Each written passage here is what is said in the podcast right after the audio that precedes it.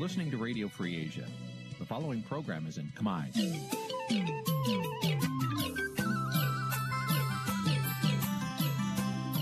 នេះជាកម្មវិធីផ្សាយ Vuthu Azizi Serai នេះជាកម្មវិធីផ្សាយរបស់ Vuthu Azizi Serai ជាភាសាខ្មែរ Vuthu Azizi Serai សូមស្វាគមន៍លោកអ្នកនាងទាំងអស់ពីរដ្ឋធានី Washington នៃសហរដ្ឋអាមេរិក បាទពីរដ្ឋធានីវ៉ាស៊ីនតោនខ្ញុំបាទសេកបណ្ឌិតសូមជម្រាបសួរអស់លោកអ្នកកញ្ញាទាំងអស់ជាទីមេត្រីបាទយើងខ្ញុំសូមជូនកម្មវិធីផ្សាយសម្រាប់យប់ថ្ងៃប្រហោះ4កើតខែបុស្សឆ្នាំឆ្លូវត្រីស័កពុទ្ធសករាជ2565បាទត្រូវនៅថ្ងៃទី6ខែមករាគ្រិស្តសករាជ2022បាទជាដំបូងនេះសូមអញ្ជើញអស់លោកអ្នកនាងស្ដាប់ព័ត៌មានប្រចាំថ្ងៃដែលមានមេតិការដូចតទៅ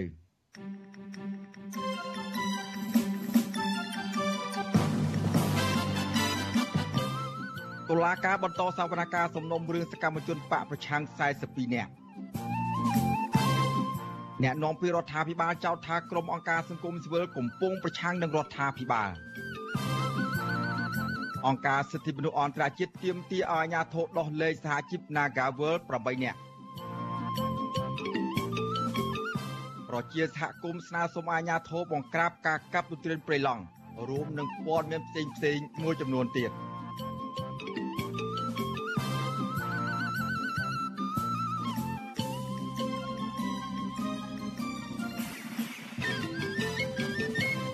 បាទជាបន្តទៅទៀតនេះខ្ញុំបាទសេកបណ្ឌិតសូមជូនព័ត៌មានពិស្ដាបាទលោកនាងកញ្ញាជាទីមេត្រីចៅក្រមនៃសាលាដំបងរាជធានីភ្នំពេញបានបន្តសវនាការពាក់ព័ន្ធនឹងរឿងក្តីសកម្មជនគណៈបកប្រឆាំងដោយបង្ហាញភស្តុតាងជាវីដេអូចំនួន7ឃ្លីបដែលជន់ជាប់ចោតបាទបាទដែលជន់ជាប់ឃុំមានទំនាក់ទំនងជាមួយនឹងថ្នាក់ដឹកនាំគណៈបកសង្គ្រោះជាតិកាលពីឆ្នាំ2018 បាទសាច់ញាតិជនជាប់ឃុំចាត់ទុកសវនាការបែបនេះថាជាការសម្ដែងល្ខោនលេងសើចដើម្បីផ្គប់ចិត្តលោកនាយករដ្ឋមន្ត្រីហ៊ុនសែនបាទពីរដ្ឋធានី Washington អ្នកស្រីខែសំណងរាយការណ៍ជុំវិញព័ត៌មាននេះសវនាការនៅថ្ងៃទី6មករាចៅក្រមរូបពិសិដ្ឋមិនបានសួរដេញដោលអ្វីលើជនជាប់ឃុំនោះទេដោយគ្រាន់តែចាក់វីដេអូចំនួន7ឃ្លីបពាក់ព័ន្ធនឹងគម្រោងមេត្តាភូមិនិវត្តរបស់លោកសំរងស៊ីប្រធានស្ដីទីគណៈបកសង្គ្រោះជាតិសារចុះសារឡើងប៉ុណ្ណោះ វីដេអូឃ្លីបនោះបង្ហាញពីកិច្ចសម្ភាសរបស់លោកសំរងស៊ីលោកអេងឆៃអៀងអ្នកស្រីមូសុខហួរដែលមានទំនាក់ទំនងជាមួយជនជាប់ឃុំជនជាប់ឃុំទាំង13នាក់ដែលជាសកម្មជនគណៈបកសង្គ្រោះជាតិមានជាអាចលោកកៅថៃលោកសុនធុន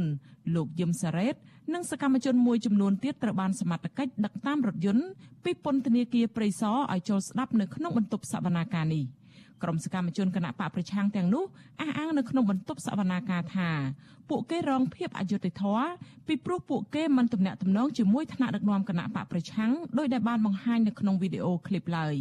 ក្រោយពីតុលាការបានចាក់ឃ្លីបវីដេអូឲ្យជនជាប់ចោតមើលហើយចៅក្រមរស់ពិសិដ្ឋក៏បានបិទបញ្ចប់សវនាការវិញនៅម៉ោងជាង11ថ្ងៃត្រង់ហើយក្រុងនឹងបន្តសវនាការលើសកម្មជនដទៃទៀតនៅថ្ងៃទី13ខែមករាខាងមុខ។ សវនាការនៅសប្តាហ៍ក្រោយនេះតុលាការក៏គ្រងដាក់ភ័ស្តុតាងដែលនៅសេសសល់និងសួរដេញដោលសមត្ថកិច្ចដែលពាក់ព័ន្ធបន្ថែមទៀតដែរមេធាវីការពារក្តីឲ្យសកម្មជនបកប្រឆាំងលោកសំសុគង្គយល់ថាភ័ស្តុតាងទាំង7វីដេអូឃ្លីបនេះมันមានទំនាក់ទំនងរវាងកូនក្តីរបស់លោកឡើយព្រោះជាកិច្ចសម្ភាសដែលជាវោហារសាស្ត្ររបស់អ្នកនយោបាយដូច្នេះมันអាចដាក់បន្ទុកលើកូនក្តីរបស់លោកបាននោះទេ លោកស្នើឲ្យតុលាការទម្លាក់ចោលការចោទប្រកាន់និងដោះលែងកូនក្តីឲ្យមានសេរីភាពវិញដោយសារពួកគាត់ម្នាក់ម្នាក់ហ្នឹងគឺត្រូវបានឃុំខ្លួនជិត2ឆ្នាំហើយដោយសារតែរងចាំសវនកម្មពីមួយអាទិត្យទៅមួយអាទិត្យពីមួយសប្តាហ៍ទៅមួយសប្តាហ៍នេះគឺការរងចាំដោយសវនកម្មបន្តហោហាយធ្វើឲ្យប៉ះពាល់ដល់សិទ្ធិរបស់ជនជាប់ចោតសវនាការលើកទី7នេះ មានការចូលរួមឃ្លាំមើលពីតំណាងទូតប្រទេសលោកសេរីជាច្រើន និងតំណាងអង្គការសហប្រជាជាតិទទួលបន្ទុកសិទ្ធិមនុស្សក្រុមអង្គការសង្គមស៊ីវិលនិងសាច់ញាតិរបស់ជនជាប់ចោតជាច្រើនអ្នកចំណែកនៅខាងក្រៅរបងតុលាការវិញអាជ្ញាធរបានពង្រាយកងសន្តិសុខជាច្រើនអ្នកស្របពេលដែលក្រុមគ្រួសាររបស់មន្ត្រីបកប្រឆាំងនិងអ្នកគាំទ្រជាង10នាក់រងចាំលើកទឹកចិត្តជនជាប់ចោតប៉ុន្តែមិនមានការប៉ះទង្គិចគ្នាដោយពេលមុនមុននោះទេប្រពន្ធសកម្មជនគណៈបកសង្គ្រោះជាតិលោកយឹមសារ៉េត គឺលោកស្រីអុកចន្ទធីប្រាប់វិទ្យុអាស៊ីសេរីក្រោយចាប់សវនាការថាតុលាការចាប់ប្តីលោកស្រីដាក់ពន្ធនាគារជិត2ឆ្នាំមកនេះដោយអយុត្តិធម៌មិនអាចទទួលយកបាននោះទេពីព្រោះលោកស្រីអះអាងថាប្តីរបស់គាត់មិនបានប្រព្រឹត្តខុសច្បាប់ដោយការចោទប្រកាន់របស់តុលាការឡើយលោកស្រីចាត់ទុកសវនាការបែបនេះថាជាការសម្ដែងល្ខោនលេងសើចដើម្បីបោសសម្អាតអ្នកមានមតិផ្ទុយនិងធ្វើឡើងតាមការចង់បានរបស់លោកហ៊ុនសែនតែប៉ុណ្ណោះ។យកមកឃុំចឹងគាត់ចឹងអយុត្តិធម៌យ៉ាងនេះគឺតឡាការអត់ឯករាជ្យណាមកធ្វើចឹងទេតឡាការនេះគឺគាត់ស្ដាប់តែបញ្ជាខ្ញុំគិតថារឿងនេះជារឿងនយោបាយសុខសាន្តមិនមែនជារឿងបត់ឧក្រិដ្ឋដូចពាក្យគាត់ចោទនោះទេបើមានបត់ឧក្រិដ្ឋមិនមែនគឺគាត់បង្ហាញគាត់តាមមកថាចំណុចត្រង់ណាដែលជាថាប្តីខ្ញុំជាជនអ ுக ្រិតដោយលោកព្រះកញ្ញាគាត់ចោទប្រកាន់ថាពួកគាត់ជាជនអ ுக ្រិតនោះឥឡូវអត់មានបោះតាំងទេ ជុំវិញរឿងនេះអ្នកនាំពាក្យសមាគមការពារសិទ្ធិមនុស្សអាត់ហុកលោកសឹងសានករណាមានប្រសាសន៍ថាសវនាការនេះមិនអាចដោះស្រាយរឿងក្តីក្តាំនេះបានទេពីព្រោះលោកមើលឃើញថាជាសំណុំរឿងនយោបាយលោកបន្តថាប្រសិនបើតុលាការនៅតែបន្តសវនាការបែបនេះទៀតនឹងធ្វើឲ្យកម្ពុជាមានកេរ្តិ៍ឈ្មោះកាន់តែអាក្រក់នៅលើឆាកអន្តរជាតិ ធ្វើសកម្មភាពនយោបាយឲ្យស្របតាមគោលការណ៍លទ្ធិប្រជាធិបតេយ្យស្របតាមរដ្ឋធម្មនុញ្ញនិងស្របតាមច្បាប់អន្តរជាតិអីទាំងអស់នឹងឡើងវិញទេដែលធ្វើឲ្យប្រទេសកម្ពុជាមានស្ថានភាពមួយដែលរួចផុតពីរងការរិះគន់រួចផុតពីការដាក់សម្ពាធនានាពីខាងសហគមន៍អន្តរជាតិហើយនឹងបានផលចំណេញពាក់ព័ន្ធទៅនឹងការតំណាក់តំណងការបរទេសឬក៏សេដ្ឋកិច្ចពាណិជ្ជកម្មនិងសេដ្ឋកិច្ចសង្គមអីមានភាពល្អប្រសើរនៅពេលដែលស្ថានភាពនយោបាយបើកឲ្យទូលំទូលាយឡើងវិញសាលាដំបងរាជធានីភ្នំពេញបានចោទប្រកាន់សកម្មជនបកប្រឆាំងចំនួន42នាក់នេះពីបទរួមគំនិតក្បត់និងញុះញង់ពាក់ព័ន្ធនឹងដំណើរមាតុភូមិនិវត្តរបស់លោកសំរងស៊ីកាលពីចុងឆ្នាំ2019ដោយសារសំណុំរឿងនេះមានជនសង្ស័យច្រើនពេកតុលាការបានបំបីសំណុំរឿងនេះជា7សវនាការដែលក្រុងនឹងបញ្ចប់ការសួរដេញដោលនៅខែកុម្ភៈខាងមុខ កន្លងមកអង្គការសង្គមស៊ីវិលជាតិនិងអន្តរជាតិជាច្រើនស្ថាប័នចាត់ទុករឿងក្តីក្តាំនេះថា ជាការធ្វើទុកបុកម្នេញផ្នែកនយោបាយនិងស្នើឲ្យតុលាការទម្លាក់ចោលការចោទប្រកាន់និងដោះលែងជនជាប់ឃុំទាំងនោះឲ្យមានសេរីភាពវិញដោយគ្មានលក្ខខណ្ឌចានាងខ្ញុំខែសុណងវັດឈូអាស៊ីសេរីរាយការណ៍ពីរដ្ឋធានី Washington បាទលោកនាងកញ្ញាជាទីមេត្រីលោកនាងកំពុងតាមដានស្ដាប់ការផ្សាយរបស់វិទ្យុអាស៊ីសេរីពីរដ្ឋធានី Washington សហរដ្ឋអាមេរិកបាទពាក់ព័ន្ធនឹងសំណុំរឿងគណៈបកកណ្ដាលអំណាចវិញម្ដងបាទនៅថ្ងៃទី7ខែមករាស្អែកនេះជាខួបលើកទី43ឆ្នាំហើយដែលគណៈបកប្រជាជនកម្ពុជាអះអាងថាជាថ្ងៃរំដោះប្រទេសកម្ពុជាចេញពីរបបខ្មែរក្រហមហើយជារៀងរាល់ឆ្នាំគណៈបកប្រជាជនកម្ពុជាតែងតែប្រារព្ធពិធីរំលឹកគុណវៀតណាម បាទក៏ប៉ុន្តែនៅថ្ងៃទី7ខែមករាឆ្នាំ2022នេះវិញលោកហ៊ុនសែនមិនបានទៅចូលរួមប្រារព្ធខួបដឹងគុណវៀតណាមនោះទេតាមការគ្រោងទុកលោកហ៊ុនសែនគ្រោងចាក់ចេញពីកម្ពុជាទៅជួបមេដឹកនាំយោធានៅប្រទេសមីយ៉ាន់ម៉ាឬភូមានៅថ្ងៃទី7ខែមករាស្អែកនេះទៅវិញបាទតើអាចកំបាំងអ្វីខ្លះដែលលោកហ៊ុនសែនមិននៅចូលរួមពិធីរំលឹកគុណវៀតណាមនៅលើកទី43 43ឆ្នាំនេះ បាទសូមលោករនាងរងចាំទស្សនានិងស្ដាប់នីតិវិទ្យាអ្នកស្ដាប់របស់វិទ្យុអសីសេរីនៅយប់ថ្ងៃសុក្រស្អែកនេះកុំបីខានបាទបើសិនជាលោករនាងមានបំណងចង់ចូលរួមឬផ្ដល់យោបល់ទៅដល់វាគ្មិនរបស់យើងដោយផ្ទាល់នៅពេលនោះសូមលោករនាងដាក់លេខទូរស័ព្ទនៅក្នុងខ្ទង់ comment ដែលកំពុងផ្សាយផ្ទាល់នៅពេលនោះយើងខ្ញុំនឹងហៅត្រឡប់ទៅលោកអ្នកវិញបាទសូមអរគុណ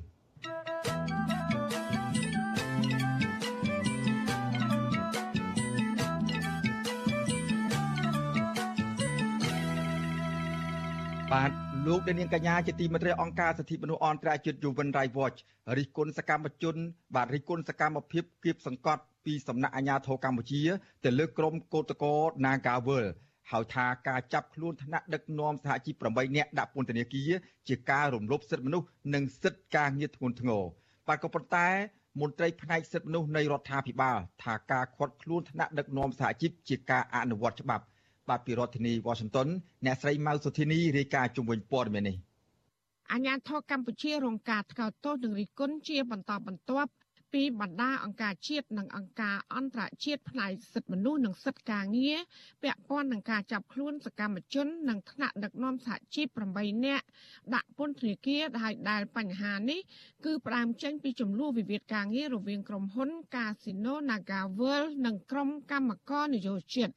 នាយករងនៃអង្គការឃ្លាំមើលសិទ្ធិមនុស្សអន្តរជាតិ Human Rights Watch ទទួលបន្ទុកកិច្ចការតំបន់អាស៊ីលោក Phil Robertson លើកឡើងក្នុងសេចក្តីថ្លែងការណ៍នៅថ្ងៃទី6ខែមករាថាការប្រើអំពើហិង្សាទាំងកំរោលពីខាងក្រមមន្ត្រីប៉ូលីសស្លៀកពាក់ស៊ីវិលតាមចាប់ខ្លួនមេដឹកនាំសហជីពកញ្ញាឈឹមស៊ីធនិងសមាជិកសហជីពផ្សេងទៀតដាក់ពន្ធនាគារកាលពីពេលថ្មីថ្មីនេះ គឺជាទង្វើគួរឲ្យស្អប់ខ្ពើមនិងមិនអាចទទួលយកបានឡើយលោកក៏បានទាមទារឲ្យអាជ្ញាធរកម្ពុជាដោះលែងអ្នកជាប់ឃុំទាំងអស់ជាបន្ទាន់និងដោយគ្មានលក្ខខណ្ឌហើយទម្លាក់ចោលការចាប់ប្រកាន់คล้ายៗមកលើពួកគេ។ អង្គការអន្តរជាតិឃ្លាំមើលសិទ្ធិមនុស្សមួយនេះយល់ឃើញថាអាញាធរគួរតែគ្រប់គ្រងសិទ្ធិកម្មករក្នុងការចរចាជាមួយក្រុមហ៊ុន Casino NagaWorld ដោយភាពស្មោះត្រង់ដើម្បីឈានទៅដល់ការដោះស្រាយវិវាទការងារនេះប្រសើរជាងការប្រើល្បិចសម្លុតបំបិតមាត់សមាជិកសហជីព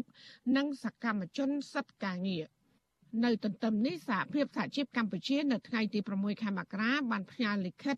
ជូនអង្គការពលកម្មអន្តរជាតិ ILO និងសហភាពសហជីពអន្តរជាតិដើម្បីសុំជួយអន្តរាគមន៍ដោះលែងកញ្ញាឈឹមស៊ីធនិងសកម្មជនសហជីព7នាក់ទៀតឲ្យមានសេរីភាពឡើងវិញ។ ស្របគ្នានេះក្រុមអ្នកជំនាញសិទ្ធិមនុស្សនៃអង្គការសហប្រជាជាតិនៅទីក្រុងឈឺណៅប្រទេសស្វីសលើកឡើងក្នុងសេចក្តីថ្លែងការណ៍រួមកាលពីថ្ងៃទី5ខែមករាថាការចាប់ខ្លួនគឧតកោដែលភ័យច្រានជាស្ត្រីជាច្រើនលើកមកនេះត្រូវបានធ្វើឡើងដោយហិង្សានិងមើលទៅ គឺជាការបំពានលើសេរីភាពក្នុងការបង្កើតសមាគមការប្រមូលផ្ដុំ និងការបញ្ចេញមតិដែលធានាដោយរដ្ឋធម្មនុញ្ញកម្ពុជា។ ឆ្លើយតបរឿងនេះអ្នកនាំពាក្យនឹងជាសមាជិកនៃគណៈកម្មាធិការសិទ្ធិមនុស្សកម្ពុជា លោកកតាអូនប្រាប់បច្ចុប្បន្នអសីស្រី នៅថ្ងៃទី6ខែមករាថាបណ្ដាអង្គការសិទ្ធិមនុស្សទាំងនោះ នៅមិនទាន់យល់ច្បាស់អំពីវិវាទការងារនៅក្រុមហ៊ុន Nagavel និងសកម្មភាពជាក់ស្ដែងនៅកម្ពុជានេះទេ លោកបញ្ជាក់ថាវិវាទការងារនៅក្រុមហ៊ុន Nagavel ហើយឈានដល់ការចាប់ខ្លួនថ្នាក់ដឹកនាំសហជីពជាច្រើនអ្នកនេះគឺដោយសារពួកគេប្រមូលផ្ដុំគ្នាធ្វើបាតកម្មខុសច្បាប់ហើយដែលសកម្មភាពនេះតម្រូវសុំច្បាប់អនុញ្ញាតពីអាជ្ញាធរជាមុនសិនអ្នកដែលដឹកនាំបាតកម្មទៅទទួលខុសត្រូវចំពោះច្បាប់ចឹងហើយបានមានចំណាត់ការទៅលើក្រុមអ្នកដឹកនាំបាតកម្មទាំងអស់នោះ នៅក្នុងករណីដែលពួកគាត់បានប្រព្រឹត្តខុសគោលការណ៍ច្បាប់នៃការធ្វើបាតកម្មតែបងប្អូនបាតកម្មផ្សេងផ្សេងទៀតគឺកំពុងតែធ្វើការតវ៉ាការបោះស្រាយនេះវាកំពុងតែបន្តប្រសិនបាទបងប្អូនបាតកម្មបន្ទុករយៈបទជប់ធ្វើបាតកម្មហើយមកអង្គុយទុកចរចាតាមការពាវនាវតាមការសម្របសម្រួលរបស់ក្រសួងកាងារខ្ញុំយល់ថាអ្វីៗវាអាចដោះស្រាយទៅមុខប៉ុន្តែបងប្អូនបាតកម្មគឺគាត់នៅតែទៀមទានឹងការធ្វើបាតកម្ម ដែលជាការមួយធ្វើឲ្យបាតកម្មនោះវាកាន់តែខុសឆ្គងវាកាន់តែខុសច្បាប់ហើយផលដែលកើតមកពីអំពើខុសច្បាប់គឺពីលើបុគ្គលិកនេះឯងចាប់តាំងពីថ្ងៃទី31ខែធ្នូឆ្នាំ2021ដល់ថ្ងៃទី4ខែមករាឆ្នាំ2022សមត្ថកិច្ចរាជធានីភ្នំពេញបានចាប់ខ្លួនកោតក្រសកម្មជនសហជីព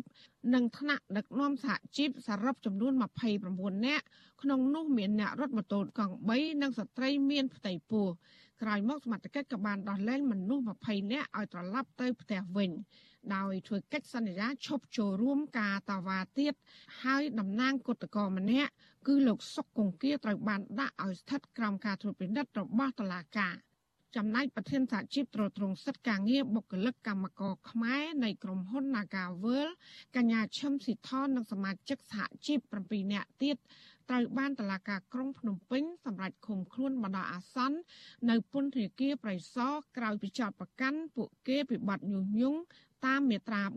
494និងមាត្រា495នៃក្រមព្រហ្មទណ្ឌក្រុមអង្គការសង្គមស៊ីវិលដែលតាមដានរឿងនេះលើកឡើងថាសហជីពគឺជានីតិបុគ្គលស្របច្បាប់ ហើយដែលមានសិទ្ធិសេរីភាពក្នុងការធ្វើកតកម្មដោយសន្តិវិធី គឺមិនមែនជាបាត់ល្មើសនោះទេ ហើយវិវាទការងាររវាងបុគ្គលិក និងថៅកែកាស៊ីណូក៏មិនមែនជាវិវាទជាមួយនឹងអាជ្ញាធរនោះដែរជុំវិញរឿងនេះស្ថានទូតចំនួន3ប្រចាំនៅកម្ពុជា រួមមានស្ថានទូតអាមេរិក អូស្ត្រាលីនិងកាណាដា បានលើកឡើងតាមទំព័រ Facebook និងបណ្ដាញ Twitter របស់ខ្លួន ថាស្ថានទូតបានដឹងឮអំពីកុតកម្ម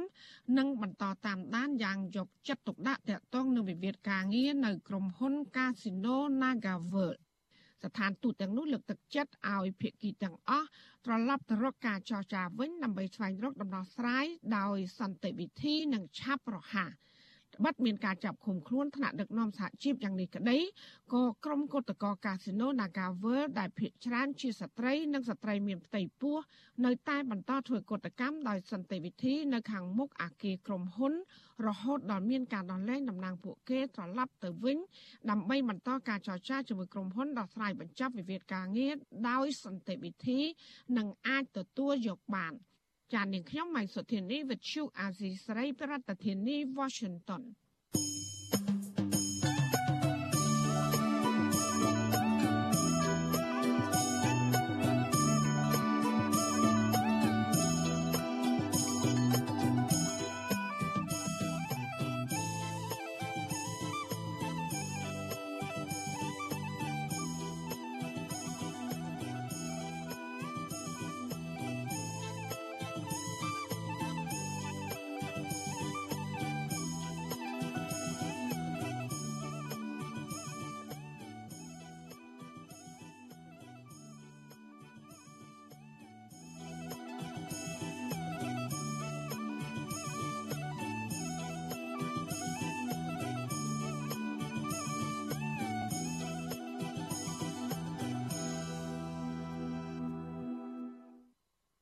លោកនាងកញ្ញាជាទីមេត្រីបាទអ្នកនាំពាក្យរដ្ឋាភិបាលចោទប្រកាន់ថាក្រុមអង្គការសង្គមស៊ីវិលកំពុងធ្វើការងារប្រឆាំងនឹងរដ្ឋាភិបាលក៏ប៉ុន្តែមន្ត្រីអង្គការសង្គមស៊ីវិលអះអាងផ្ទុយទៅវិញថាអង្គការសង្គមស៊ីវិលជាដៃគូរបស់រដ្ឋាភិបាលហើយធ្វើការងារដើម្បីចូលរួមចំណែកអភិវឌ្ឍនិងលើកកម្ពស់ការគោរពសិទ្ធិមនុស្សនិងប្រជាធិបតេយ្យនៅកម្ពុជា បាទពីរដ្ឋធានី Washington លោកមានរិទ្ធរាយការណ៍ជុំវិញព័ត៌មាននេះ ការចោទប្រកាន់អង្គការសង្គមស៊ីវិលពីសំណាក់មន្ត្រីជាន់ខ្ពស់រដ្ឋាភិបាលបែបនេះធ្វើឡើងគណៈរដ្ឋាភិបាលបានចាត់វិធានការបង្ក្រាបឥតឈប់ឈរ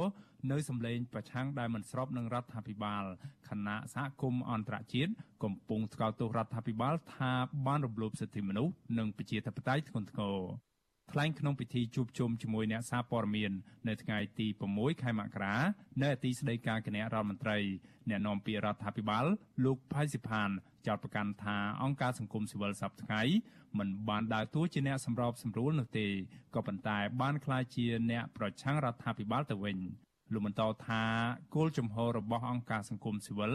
ដែលបង្កើតឡើងគឺដើម្បីគោរពច្បាប់ ក៏ប៉ុន្តែការប្រតិបត្តិការងាររបស់អង្គការសង្គមស៊ីវិលមិនបានអនុវត្តបែបនេះទេ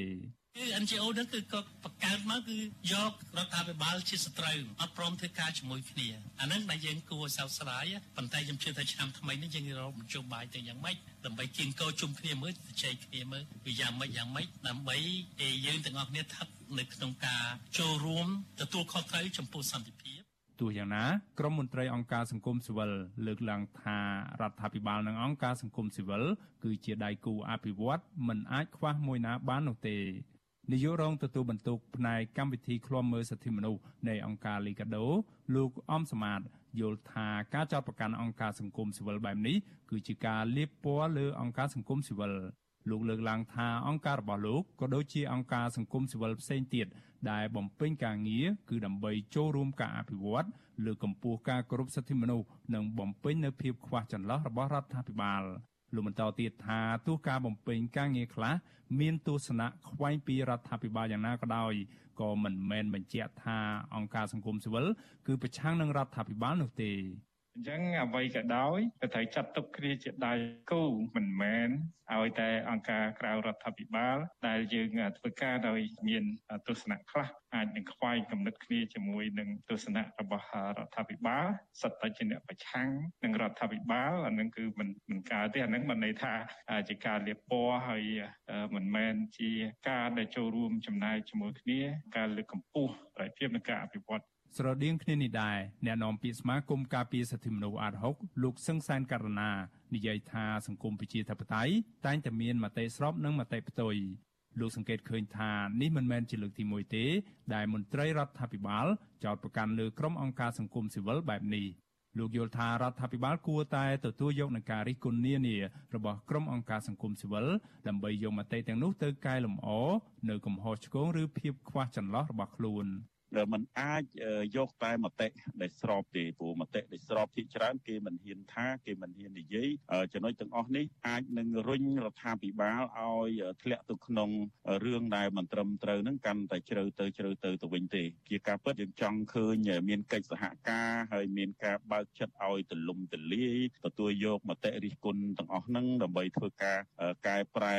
ឲ្យប្រព័ន្ធដឹកនាំកម្ពុជាយើងមួយហ្នឹងត្រូវបានទទួលស្គាល់ទាំងឆាកជាតិនិងអន្តរជាតិបាទអានោះនារយៈពេលប្រមាណឆ្នាំចុងក្រោយនេះរដ្ឋាភិបាលបានបង្កើតច្បាប់មួយចំនួននៅក្នុងនោះរួមមានទាំងច្បាប់ស្តីពីសមាគមនិងអង្គការមិនមែនរដ្ឋាភិបាលផង ដែលប៉ះពាល់ដល់ការងារផ្នែកសិទ្ធិមនុស្សប្រជាធិបតេយ្យនិងអភិបាលកិច្ចល្អ អ្នករាយការណ៍ពិសេសរបស់អង្គការសហប្រជាជាតិទទួលបន្ទុកសិទ្ធិមនុស្សនៅកម្ពុជាក៏ធ្លាប់បានបង្ហាញពីក្តីបារម្ភនៅក្នុងរបាយការណ៍នៅឯកិច្ចប្រជុំអង្គការសហប្រជាជាតិថាកម្ពុជាកំពុងតែដើរថយក្រោយនិងងាកចាកឆ្ងាយចេញពីការគោរពសិទ្ធិមនុស្សនិងគន្លងប្រជាធិបតេយ្យ លោកវីតិតមុនតបនធ្លាប់បានបញ្ជាក់ថាបើទោះបីជាប្រទេសកម្ពុជា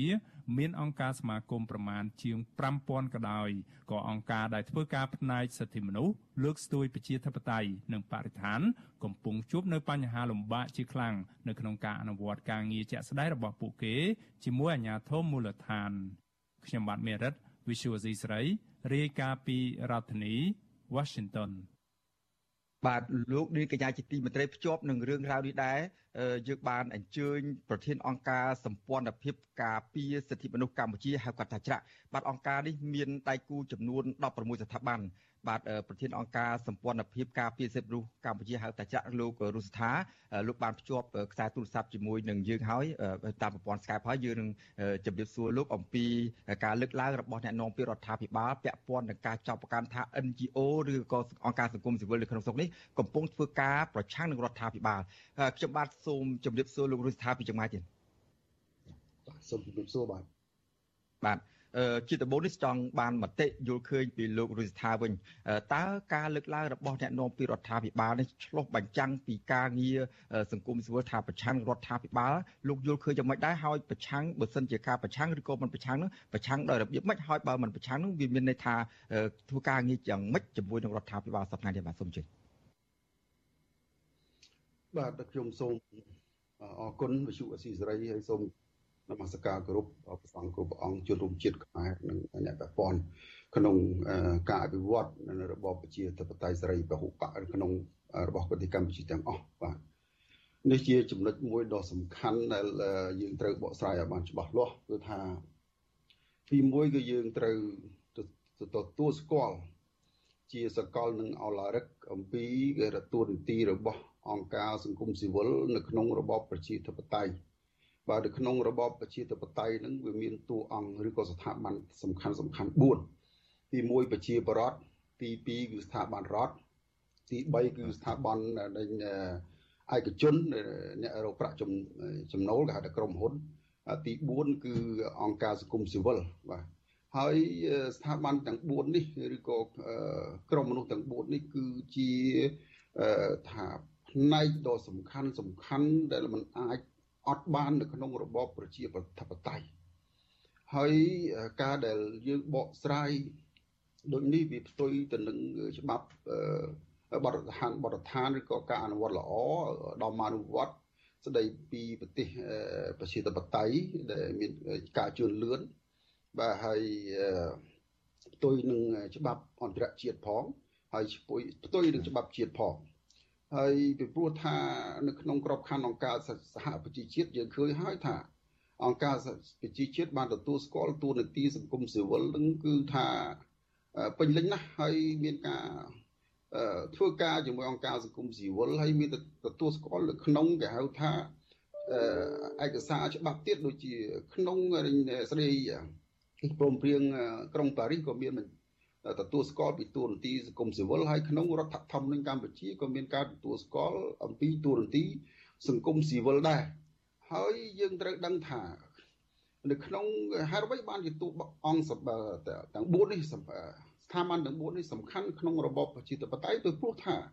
អឺបើសិនជាគ្មានស្ថាប័នទាំង4នឹងទេវាហៅថាអតលយភាពអំណាច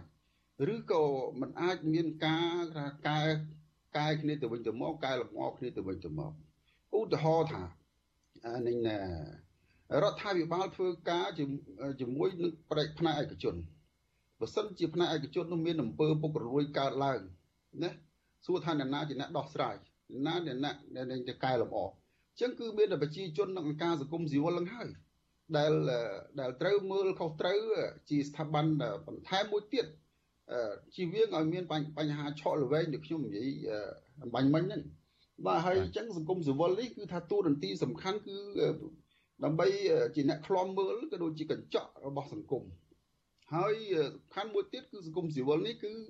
ជាអ្នកគេហៅថាបំពេញនៅការខ្វះខាតរបស់រដ្ឋាភិបាលឬផ្នែកឯកជន ដែលมันអាចបំពេញបានជូនប្រទេសជាតិព្រោះថាមិនមែនរដ្ឋាភិបាលគឺជាការិ Superman គឺជាតបុក ស្ថាប័នដ៏អស្ចារ្យដែលអាចបំពេញអ្វីអ្វីគ្រប់យ៉ាងជូនប្រជាជាតិបានទេព្រោះពោះស្ថាប័នរដ្ឋវាតែងតែមានការកំណត់ហើយសង្គមស៊ីវិលក៏មានការកំណត់ដូចគ្នាឧទាហរណ៍ថានឹងរដ្ឋាភិបាលលោកធ្វើតែកិច្ចការធំធំទេដល់បញ្ហាតូចតូចតាចឧទាហរណ៍ថាអឺបញ្ហាជាក់លាក់មិនថាទូតាចទេលោកធ្វើអត់បានទេដូចជាកន្លងមកនេះគឺថាសង្គមស៊ីវិលបានបំពេញនៅការអប់រំសម្រាប់មនុស្សកោថ្លង់បាទ ហើយបាននាំមុខហើយធ្វើឲ្យគំរូនេះទៅជាគំរូរបស់រដ្ឋាភិបាលដូចជាតាមរយៈអង្គការគ្រួសារថ្មីជាដើមហើយសង្គមស៊ីវិលនេះបានដើរតួសំខាន់ណាស់ក្នុងការជួយអភិវឌ្ឍប្រទេសជាតិក្រោយពីមានកិច្ចព្រមក្រោយពីមានកិច្ចព្រមព្រៀងសន្តិភាពក្រុងប៉ារីស1991ក្រោយពីការបោះឆ្នោតមកគឺថាកម្ពុជាបានចូលរួមចំណែកយ៉ាងច្រើនមហិមាក្នុងការជួយឲ្យកម្ពុជាមានការអភិវឌ្ឍ ទាំងផ្នែកសង្គមសេដ្ឋកិច្ចនិងនយោបាយឬក៏ការធ្វើច្បាប់ជាដើមដូច្នេះគឺថាគីគីមិនត្រូវមើលរំលងហើយធ្វើការវិតម្លៃដោយគ្មានមូលដ្ឋាន ធ្វើឲ្យខូចនៅទូរនទីរបស់សង្គមស៊ីវិលទេអឺយើងការចោទប្រកាន់ប្រទីមួយខ្ញុំសូមអរគុណលោកផៃស៊ីផានដែលលោកបានចង់បើកទ្វារឲ្យមានការវិភាសាគ្នាអំពីរបៀបធ្វើការឬក៏យន្តការធ្វើការជាមួយគ្នានឹងខ្ញុំខ្ញុំពេញចិត្តណា ខ្ញុំចង់ជួបភ្លាមភ្លាមដើម្បីជជែកគ្នាខ្ញុំហើយខ្ញុំនឹងដឹកនាំអង្គការសម្របសម្រួលឲ្យមានអង្គការដឹកនាំអង្គការសង្គមស៊ីវិលឬក៏តំណាងប្រជាជនខ្លះដើម្បីជួបជាមួយរាជរដ្ឋាភិបាលអំពីរបៀបធ្វើការជាមួយគ្នាយ៉ាងម៉េចដែលថាអាចគោរពច្បាប់ហើយស្របទៅតាមដែលផ្លូវដែលយើងបានគូវាតាមប្រជាធិបតេយ្យសេរីពហុបកនឹងហើយมันមានការមន្ទិលសង្ស័យពីគ្នាទៅវិញទៅមកហើយមានការចោទប្រកាន់គ្នាទៅវិញទៅមក ហើយយើងឃើញថាកន្លងមកបញ្ហាយើងមានសង្គ្រាមហ្នឹងគឺថាដែលមានជនភៀសខ្លួនជាច្រើនដែលរដ្ឋាភិបាលឬក៏ណបៈតំណោះនឹងមានការទាស់តែគ្នាមានអ្នកណាមានអង្គការក្រៅរដ្ឋាភិបាលហើយអង្គការសង្គមស៊ីវិលហើយយកស្បៀងយកជំនួយទៅជួយ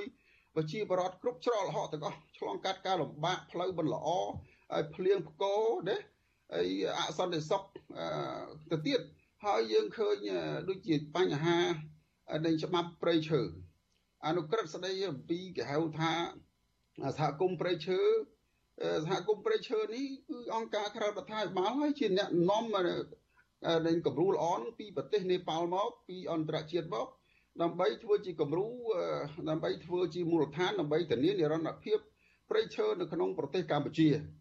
ក្រោយមករាជរដ្ឋាភិបាលក៏មានការកែតម្រង់នៅគេហៅច្បាប់ព្រៃឈើ ហើយរហូតបង្កើតអនុក្រឹត្យព្រៃឈើដែលមានការចូលរួមយ៉ាងសកម្មអំពីរដ្ឋាអំពីអង្គការសង្គមស៊ីវិលទៅទៀតហើយបញ្ហាខ្ញុំអានឹងជាឧទាហរណ៍មួយឧទាហរណ៍មួយដូចជាបញ្ហានេសាទយើងឃើញថាពីដើមគឺថាការនេសាទគឺហួសហេតុគឺនេសាទហួសនៅគេថាការផលិតនៃត្រីក្នុងដែនទឹករបស់ប្រទេសកម្ពុជាគឺពិសេសគឺទន្លេសាបនិងទឹកសាបនៅក្នុងប្រទេសកម្ពុជាដូចបឹងអូ ទន្លេជាដើមហ្នឹងគឺថាធ្វើឲ្យមានការព្រួយបារម្ភហើយអង្គតាមរយៈនៃអង្គការមេកុងទន្លេមេកុងក៏ដូចជាអង្គការសង្គមស៊ីវិលហើយបានធ្វើការសិក្សាស្រាវជ្រាវរហូតដល់មានការកែតម្រង់ហើយមានការអភិវឌ្ឍផ្នែកខាងគេហៅថាត្រីឥឡូវសម្បូរបែបមកវិញនេះសារការចូលរួមរបស់សង្គមស៊ីវិលដែរហើយផ្នែកខាងសិទ្ធិមនុស្សអីទៀតនេះគឺបើយើងសង្ខេបមើលទៅយើងមានការតស៊ូច្រើនណាស់ហើយសង្គមស៊ីវិលបានបាត់បង់ជីវិតមួយចំនួនទៀតដោយសារតែមូលហេតុ នៃសិទ្ធិមនុស្សនៃអំពើល្អណាគុណធម៌ការរស់នៅប្រកបទៅដោយថាព្រមវិហារធម៌នេះក៏បានលះបង់ជីវិតច្រើនដូចជាលោកឈុតវិធីអីត្រូវបានស្លាប់ខ្លួនចោលប្រពន្ធចោលគ្រួសារដោយសារអីដោយសារបបប្រហែលព្រៃឈើបញ្ហាចាក់ស្ដែងទៅលើព្រៃឈើបាទអញ្ចឹងទេខ្ញុំថាវាមានរឿងច្រើនទៀតដូចច្បាប់អំពើហិង្សាក្នុងគ្រួសារបដើមយើងដែលមានច្បាប់ដែលប្រឆាំងអំពើហិង្សាក្នុងគ្រួសារណា អឺក៏ចាឥឡូវនេះវាមានច្បាប់ប្រឆាំងអំពើហិង្សាក្នុងគ្រួសារគ្រប់គ្រងកុំឲ្យមានអំពើហិង្សាក្នុងគ្រួសារហ្នឹងសិទ្ធិស្នាដៃរបស់អង្គការសង្គមស៊ីវិលវាមានច្រើនណាស់ខ្ញុំសង្ឃារប់រៀបរាប់ក្នុងពេលនេះបាទច្រើននឹងឃើញសកម្មភាពច្រើនឆ្នាំនេះឃើញថាសង្គមស៊ីវិលបានធ្វើការងារច្រើនពាក់ព័ន្ធនឹងបញ្ហានេះខ្ញុំបាទសូមកាត់ប្រសាសន៍លោករុស្ថាតែប៉ុណ្ណឹងចឹងអឺ ពាក់ព័ន្ធនឹងបញ្ហាមួយទៀតហាក់ដល់សប្តាហ៍សប្តាហ៍នេះហាក់បីដូចជាមានការយល់ខ្វែងកម្រិតគ្នា រវាងការរិះគន់របស់អង្គការសង្គមស៊ីវិលទៅលើរដ្ឋាភិបាលនិងពាក្យថាប្រឆាំងតើលោកយល់យ៉ាងម៉េចចំពោះការរិះគន់ឬក៏មតិផ្ទុយ ទៅលើរដ្ឋពាក់ព័ន្ធជាមួយនឹងការងាររដ្ឋាភិបាលហើយនឹងការឆ្លើយតបវិញថាជាការសង្គមស៊ីវិលធ្វើការងារប្រឆាំងនេះតើពាក្យធ្វើការរិះគន់ឬក៏មតិផ្ទុយនឹងការប្រឆាំងនេះវាមានន័យខុសគ្នាយ៉ាងម៉េចបានជាបន្ទួលពីនេះតែងតែមានការចាប់ប្រកាន់ទៅលើគ្នាទៅវិញទៅមកហើយរហូតដល់មានការចាប់ប្រកាន់រហូតមានការចាប់ខ្លួនមន្ត្រីអង្គការសង្គមស៊ីវិលកន្លងមកថែមទៀតផងបាទបាទខ្ញុំសូមជម្រាបជូនតាថាអង្គការសង្គមស៊ីវិលលោកធ្វើការ គឺយោងទៅតាមច្បាប់យោងទៅតាមស្តង់ដារជាតិនិងអន្តរជាតិអានឹងដែលតែច្បាប់និងស្តង់ដារច្បាប់ជាតិនិងអន្តរជាតិនឹងជាកញ្ចក់បាទជាគេថាជាមាត្រដ្ឋាន ជាបន្ទាត់របស់អង្គការសង្គមស៊ីវិលហើយអញ្ចឹងហើយអីវាខុសពីស្ថាប័នសារព័ត៌មានមួយចំនួនស្ថាប័នសារព័ត៌មានមួយចំនួនលោកអាចធ្វើការ រិះគន់ឬក៏រាយការណ៍អំពីស្ថានភាពណាមួយអាចថាក្នុងការការក្នុងការដែល favor គេថាគ្រប់គ្រងទៅលើមានភាពលំអៀងទៅនៅគណៈបកណាមួយប៉ុន្តែចំពោះការសង្គមស៊ីវិលគេអត់ធ្វើការអញ្ចឹងទេគេគេគេគេគេធ្វើការគេធ្វើនយោបាយមែនក៏ប៉ុន្តែគេអត់ធ្វើនយោបាយដើម្បីឈានទៅរកការកាន់អំណាចខ្លួនឯងទេដូច្នេះហើយគេគេនិយាយគឺថាមានភាពឯករាជ្យច្រើនអឺហើយដល់យកច្បាប់ជាមូលដ្ឋាន ប៉ុន្តែចង្កាលទៅការដែលយើងនិយាយការពិតនេះឲ្យធ្វើឲ្យអត់មានការសប្បាយចិត្តហើយចឹងទៅចង្កាលទៅចេះតែមានការអឺដែលខឹងសបាឬក៏ចេះតែមានការចេះចោតប្រកាន់ចេះមួយចុះមួយហោហែមកហ្នឹងអាហ្នឹងខ្ញុំបានពិនិត្យឃើញនឹងចឹងបាទ បាទអរគុណលោករដ្ឋាភិបាលមកចំណុចទៀតនៅពេលដែលមានបញ្ហារឿងរ៉ាវការចាប់ខ្លួនអង្គការសង្គមស៊ីវិលឬមួយក៏មានដឹកនាំសហជីពដែលរដ្ឋាភិបាលតែតែចាប់ប្រកាន់ថាធ្វើសកម្មភាពប្រឆាំងនឹងរដ្ឋាភិបាលនោះពួកគាត់តែងតែលុកលុយទៅឆែកឆេរឯកសារនៅក្នុងការិយាល័យឬមួយក៏ឯកសារ នៅក្នុងម៉ាស៊ីនកុំព្យូទ័ររបស់បុគ្គលណាមួយឬក៏មន្ត្រីអង្គការសង្គមណាមួយជាដូចជាជាក់ស្ដែងកន្លងមកនេះគាត់ចូលទៅឆែកឆេរនៅឯកសារនៅក្នុងការិយាល័យរបស់មេដឹកនាំសហជីព Nagawal ជាដើមដោយពិនិត្យមើលប្រតិបត្តិការឆ្លើយឆ្លងគ្នាការឧបត្ថម្ភប្រាក់ ជាជំនួយមួយចំនួនទៅដល់អង្គការឬក៏សហជីពដើម្បីធ្វើសកម្មភាពសង្គមផ្សេងផ្សេងនេះថាជាការរៀបចំរចនាសម្ព័ន្ធមួយផ្ដល់ជាលុយជាកាសផ្ដល់ជាទុនក្នុងការធ្វើសកម្មភាពប្រឆាំងរដ្ឋាភិបាលជាដើមចំពោះបញ្ហានេះលោកមានការបកស្រាយយ៉ាងម៉េចដែរបាទបាទខ្ញុំសូមជំរាបជូនថាទីមួយខ្ញុំសូមចាប់អារម្មណ៍ថារឿងអង្គការមិនមែនរដ្ឋាភិបាលនៅក្នុងប្រទេសកម្ពុជាភាគច្រើនសិតតែយកលុយពីម្ចាស់ជំនួយដែលមានមូលដ្ឋាននៅបរទេស សឹងទាំងអស់ហ្នឹងព្រោះថាយើងមិនសូវមានលទ្ធភាពទទួលបានថវិកាពីរដ្ឋាភិបាលឬក៏ពីក្រុមហ៊ុនទេហើយជាធម្មតាគឺថាអង្គការសង្គមស៊ីវិលនោះគឺថាមានសិទ្ធិទទួលយកថវិកាទាំងនោះមកប្រើប្រាស់ហើយលើកប្រើប្រាស់ក្នុងបេសកកម្មដែលមានចែងនៅក្នុងរដ្ឋធម្មនុញ្ញឬក៏លក្ខន្តិកៈដែលបានចុះឈ្មោះនៅក្រសួងមហាផ្ទៃ ហើយធ្វើការទៅតាមបេសកកម្មរបស់ខ្លួនដូចជាវិស័យការងារដូចជាវិស័យសង្គមគិច្ចជាដើមនឹងគឺថាហើយបើសិនជាយើងគិតគាត់ចោតគាត់ថាគាត់ធ្វើកិច្ចការពាក់ព័ន្ធនយោបាយហើយខ្ញុំក៏សូមឆ្លៀតឱកាសនេះក៏ខ្ញុំសូមបញ្ជាក់ដែរថាបើសិនជាអង្គការណាមួយដែលលោកធ្វើការហើយលោកជន់ជើងពីរក៏វាមិនល្អដែរគឺថាលោកធ្វើអង្គការសង្គមស៊ីវិលផងលោកគ្រប់គ្រងនយោបាយផងឬសកម្មជននយោបាយផង គឺអត់ល្អទេក៏ប៉ុន្តែសម្រាប់អង្គការសង្គមស៊ីវិលជាអង្គការឯករាជ្យគឺកាន់គោលនយោបាយច្បាស់លាស់គឺថាគឺថាមិនប្រកាន់បកនយោបាយឬក៏អង់គ្លេសថា non partisanship អឺហើយប្រកាន់គោលការណ៍ឯករាជ្យហើយហើយបើសិនជាយើងចោទគាត់ថាគាត់ជាអ្នកធ្វើការប្រឆាំងរដ្ឋាភិបាលឬក៏គ្រប់គ្រងបដិវត្តឬក៏ក្នុងគោលបំណងដើម្បីដួលរំលំរដ្ឋាភិបាលយើងត្រូវពិនិត្យមើលឲ្យបានមែនទែនយើងអត់អាចចេះតែថាបានទេ ព្រោះរឿងនេះវាប៉ះពាល់ដល់ទូនទីរបស់សង្គមស៊ីវិលដែលទទួលស្គាល់ដោយច្បាប់ហើយយើងត្រូវមានអង្គហេតុឲ្យច្បាស់លាស់ថាដែលអូសិនជាអង្គការណាមួយយើងចោទថាគាត់ធ្វើនយោបាយឬគាត់បម្រើគណៈបកនយោបាយគឺត្រូវមើលអង្គហេតុឲ្យច្បាស់តើគាត់ធ្លាប់ចូលរួមប្រជុំជាមួយគណៈបកប្រមាណដងហើយគាត់មានផែនការជាសក្ខីភាពអីខ្លះជាផុសតាងអ្វីខ្លះដែលបានមានផែនការលេខអក្សរឬក៏អាចសម្លេងអ្វីខ្លះដែលគាត់ដែលបាន មានផែនការបដិរំលំឬក៏ ធ្វើការប្រឆាំងរដ្ឋាភិបាលអាហ្នឹងតច្បាស់លាស់អញ្ចឹងបើសិនជាអត់មានអង្គហេតុឬក៏ផុសតាងអស់ទៅនឹងទេយើងគ្រាន់តែធ្វើការស្របទៅតាមសិទ្ធិក៏ដូចជាបេសកកម្មដែលយើងបានចុះឈ្មោះជាតម្លាភាពជាមួយក្រសួងមហាផ្ទៃអីជាដើមទេយើងអត់អាចចោលគាត់បានទេបាទបាទចំណុចមួយទៀតបើសិនជាអឺ អង្គការសង្គមស៊ីវិលមានឱកាសទៅជួបប្រជុំជាមួយនឹងតំណាងរដ្ឋាភិបាលដោយលោកលើកឡើងពីមុននេះអញ្ចឹងថាគ្រូ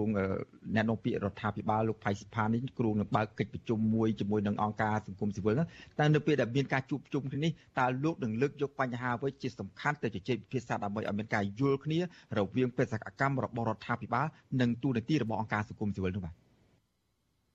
បាទអ្វីដែលសំខាន់ខ្ញុំចង់ពិភាក្សាពីយន្តការ យន្តការរបៀបធ្វើការ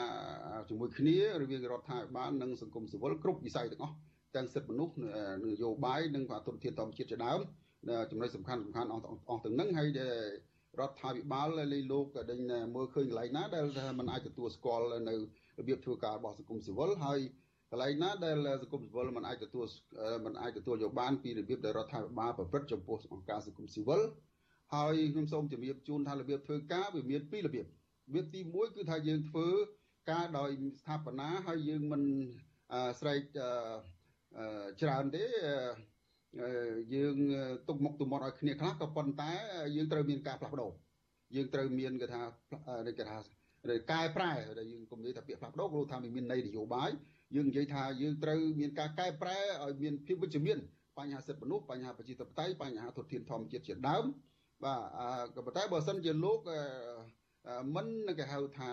ធ្វើការកែប្រែបានល្អប្រសើរទៅលើចំណុចអស់ទាំងនឹងទេហើយហើយយើងលើកសំណើទៅហើយលោកចេះតែបិទទ្វារហើយលោកចេះតែចោតប្រកាន់ហ្នឹងគឺសង្គមស៊ីវិលគេប្រើសិទ្ធិហើយព្រឹទ្ធសិទ្ធិក្នុងការគៀងគោសម្លេងឲ្យមានតលយៈភាពមួយជារដ្ឋាភិបាលដើម្បីធ្វើការចរចាតម្រូវឲ្យសូមឲ្យមានការកែលម្អអានឹងគឺជាសិទ្ធិដែលមានចែងក្នុងច្បាប់បាទហើយជាសូមប្រកាសជាអល់រិទ្ធថា សង្គមស៊ីវិលលោកមានសិទ្ធិធ្វើចឹងហើយនឹងមិនមែនជាគេហៅថាការគៀងកោដើម្បីធ្វើឲ្យបកការរដ្ឋាភិបាលក្នុងរដ្ឋាភិបាលទេហើយក៏មិនមែនជាគោលបំណងដើម្បីផ្ដួលរដ្ឋាភិបាលដែរតែជាសិទ្ធិក្នុងការធ្វើសមាគមដែលមានចែងនៅក្នុងរដ្ឋធម្មនុញ្ញមាត្រាទី42ហើយដែលទទួលស្គាល់ជាសកលផងដែរនោះគឺថាយើងគឺមានសិទ្ធិក្នុងការពង្រឹងប្រជាប្រដ្ឋក្នុងការចូលរួមក្នុងការតស៊ូមតិតាមការគៀងកោតាមការចងសម្ព័ន្ធគ្នា ព្រោះថារដ្ឋប្រជាប្រដ្ឋក៏ដូចជាអង្គការសង្គមស៊ីវិលគ្មានអាវុធគ្មានកំភ្លើងគ្មានពន្ធនាគារដោយរដ្ឋរដ្ឋាភិបាលទេយើងមានតែសម្លេងនិងវិជាជីវៈលហើយការចូលសម្ព័ន្ធនេះសំខាន់ណាស់បាទបាទអរគុណជាចុងក្រោយនេះ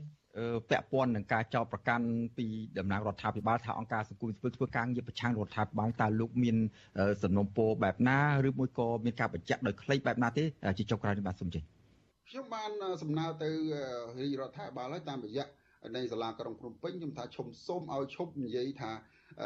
អង្គការសង្គមស៊ីវិលនៅពីក្រោយបរិបត្តិពណ៌ឬក៏តែប្រឆាំងរដ្ឋាភិបាលព្រោះថាវាមានអង្គការសង្គមស៊ីវិលឯករាជ្យល្អច្រើនហើយ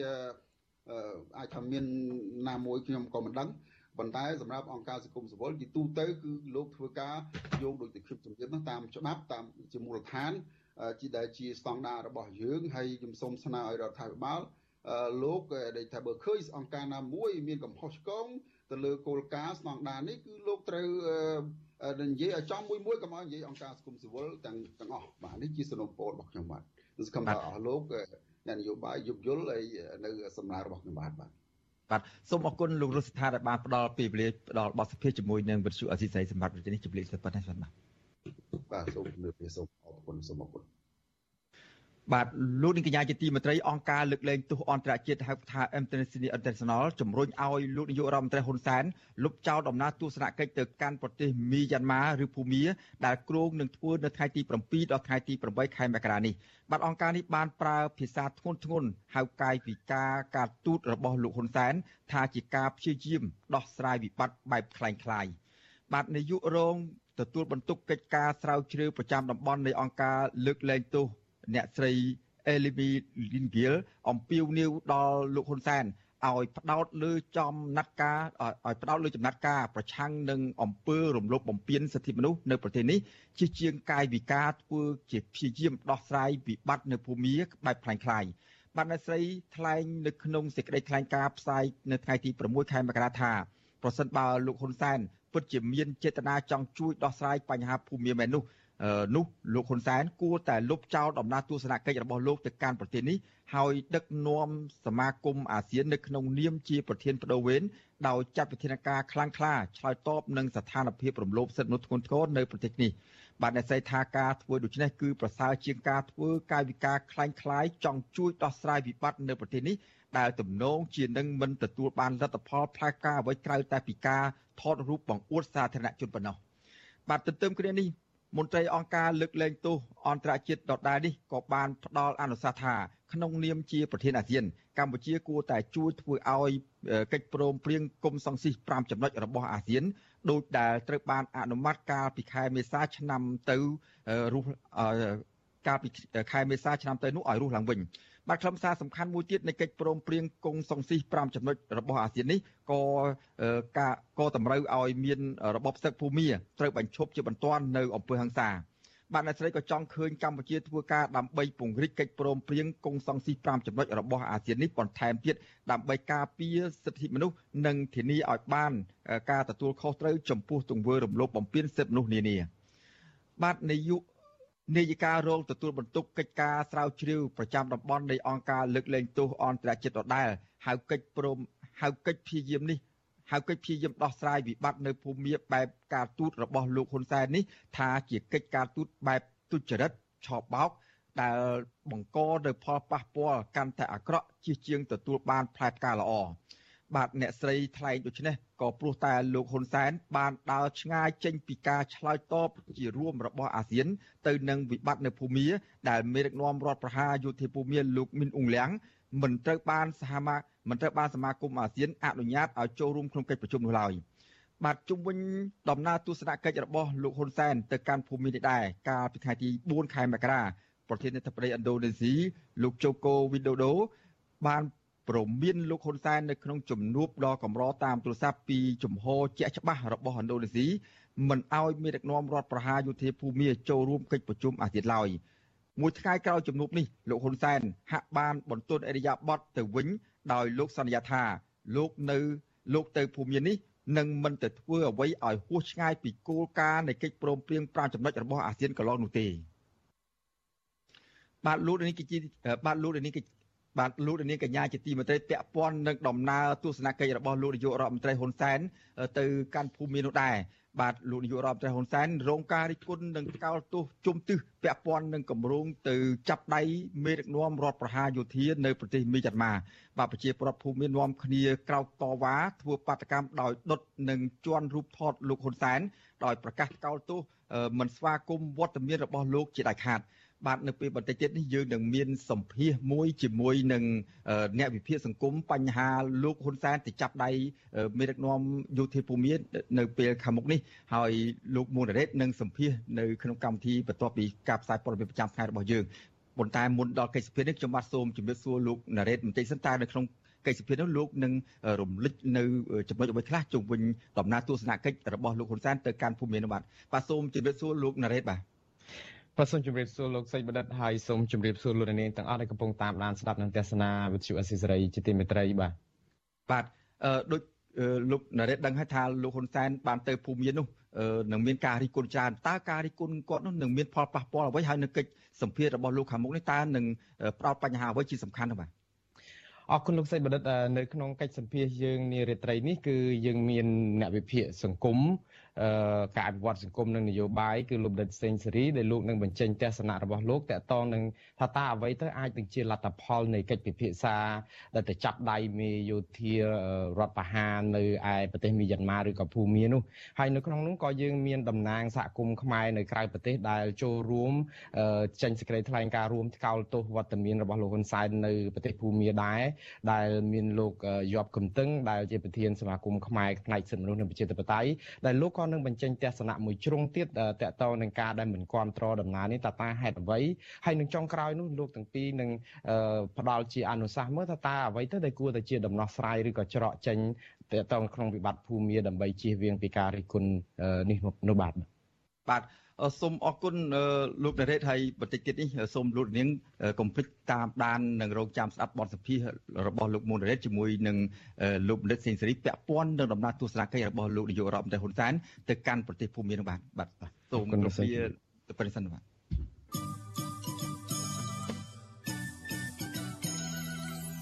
បាទលោកនាងកញ្ញាជាទីមេត្រីនៅថ្ងៃទី7ខែមករាស្អែកនេះ ជាខួបលើកទី43ឆ្នាំហើយដែលគណៈបកប្រជាជនកម្ពុជាអាងថាជាថ្ងៃរំដោះប្រទេសកម្ពុជាចេញពីរបបខ្មែរក្រហមហើយជារឿងរាល់ឆ្នាំគណៈបកប្រជាជនកម្ពុជាតែងតែប្រារព្ធពិធីរំលឹកគុណវៀតណាមបាទក៏ប៉ុន្តែនៅថ្ងៃទី7ខែមករាឆ្នាំ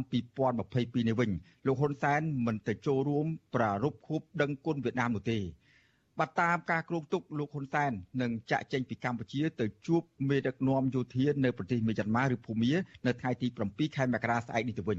បាទតើមានអាចកំបាំងអ្វីខ្លះដែលលោកហ៊ុនសែនមិននៅចូលរួមពិធីរំលឹកគុណវៀតណាមនៅលើកទី43នេះបាទសូមលោកនាងរងចាំស្ដាប់និងទស្សនាកិច្ចពិភាក្សាវេទិកាអ្នកស្ដាប់របស់វិទ្យុអាស៊ីសេរីនៅរាត្រីថ្ងៃសុក្រស្អែកនេះ បើសិនជាលោកនាងមានបំណងចង់ចូលរួមជាមួយយើងខ្ញុំដោយសួរវាលគ្មិនសួរសំណួរទៅកាន់វាលគ្មិនផ្ទាល់ឬក៏ចង់បញ្ចេញមតិយោបល់នៅក្នុងនេតិវេទិកាអ្នកស្ដាប់របស់វិទ្យុអសីស្រីនៅរាត្រីថ្ងៃស្អែកនេះសូមលោកនាងដាក់លេខទូរស័ព្ទនៅក្នុង comment ដែលកំពុងផ្សាយផ្ទាល់នៅពេលនោះក្រុមការងាររបស់វិទ្យុអសីស្រីនឹងហៅទៅលោកអ្នកនាងវិញបាទសូមអរគុណ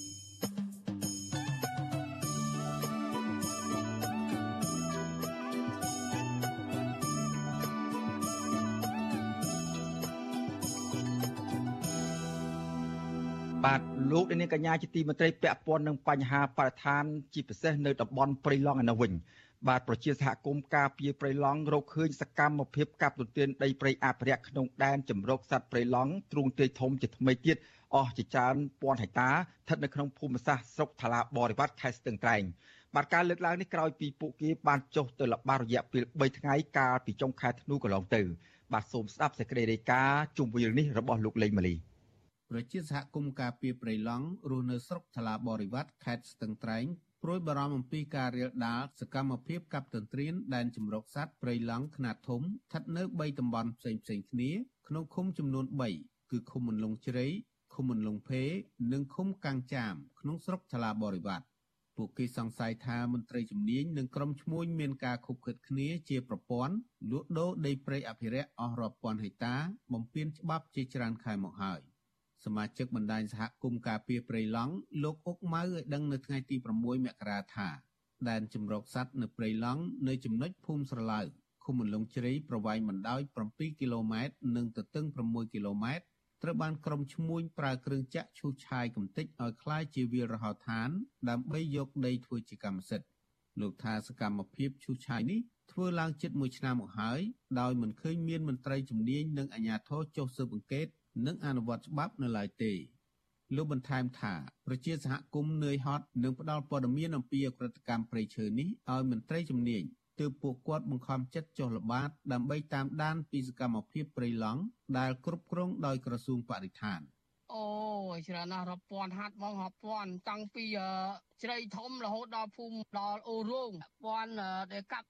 ដីព្រៃហ្នឹងភាកច្រើនគឺមន្ត្រីបាទនៅក្រោយខ្នងបាទបានហ៊ានថាមន្ត្រីនៅក្រោយខ្នងក្រុមសហគមន៍យើងខ្ញុំរាយការណ៍ទៅគាត់គាត់អត់ដែលចំណាត់ការអីអីមួយទេអញ្ចឹងចំណាត់ការបានតែអ្នកតូចតាចទេតែអ្នកធ្វើការធំធំហ្នឹងដូចអត់មានចំណាត់ការទេបាទ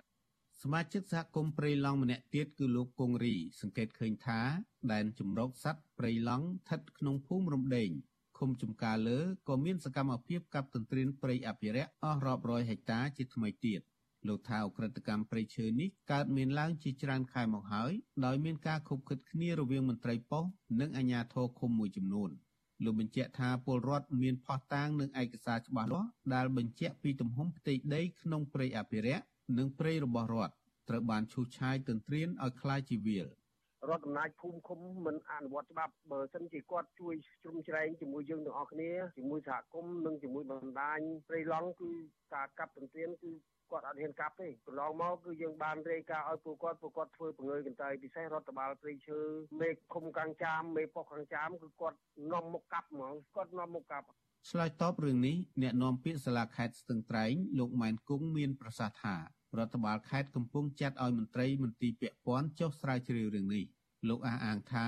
ប្រសិនបើរកឃើញមានការកាប់ទន្ទ្រានដីព្រៃខុសច្បាប់អាជ្ញាធរខេត្តនឹងអនុវត្តច្បាប់ស្របតាមគោលការណ៍របស់រដ្ឋាភិបាលដែលបញ្ជាឲ្យទប់ស្កាត់បទល្មើសព្រៃឈើកិច្ចការងារនេះគឺអាជ្ញាធរមានសមត្ថកិច្ចកម្លាំងផ្នែកមានសមត្ថកិច្ចកំពុងធ្វើការជាមួយសហគមន៍ហើយហើយកំពុងអនុវត្តប្រធានការហ្នឹងហើយ វិទ្យុអស៊ីសេរីមិនទាន់អាចសុំការបំភ្លឺរឿងនេះបន្ថែមពីអ្នកនាំពាក្យក្រសួងបរិស្ថានលោកនេតភេត្រាបាននៅឡើយទេនៅថ្ងៃទី6មករាដោយសារទូរស័ព្ទហៅចូលច្រើនដង តែគ្មានអ្នកលើកមន្ត្រីសម្របសម្រួលសមាគមអាត់ហុកខេត្តស្ទឹងត្រែងដែលចុះអង្កេតរឿងនេះគឺលោកប៊ីវ៉ានីមើលឃើញថាអ ுக ្រិតកម្មព្រៃឈើខ្នាតធំនេះធ្វើឡើងនៅចំពោះមុខអាជ្ញាធរនិងមន្ត្រីបរិស្ថានដោយក្រុមឈ្មួញហាក់មិនខ្លាចក្រែងច្បាប់នោះទេ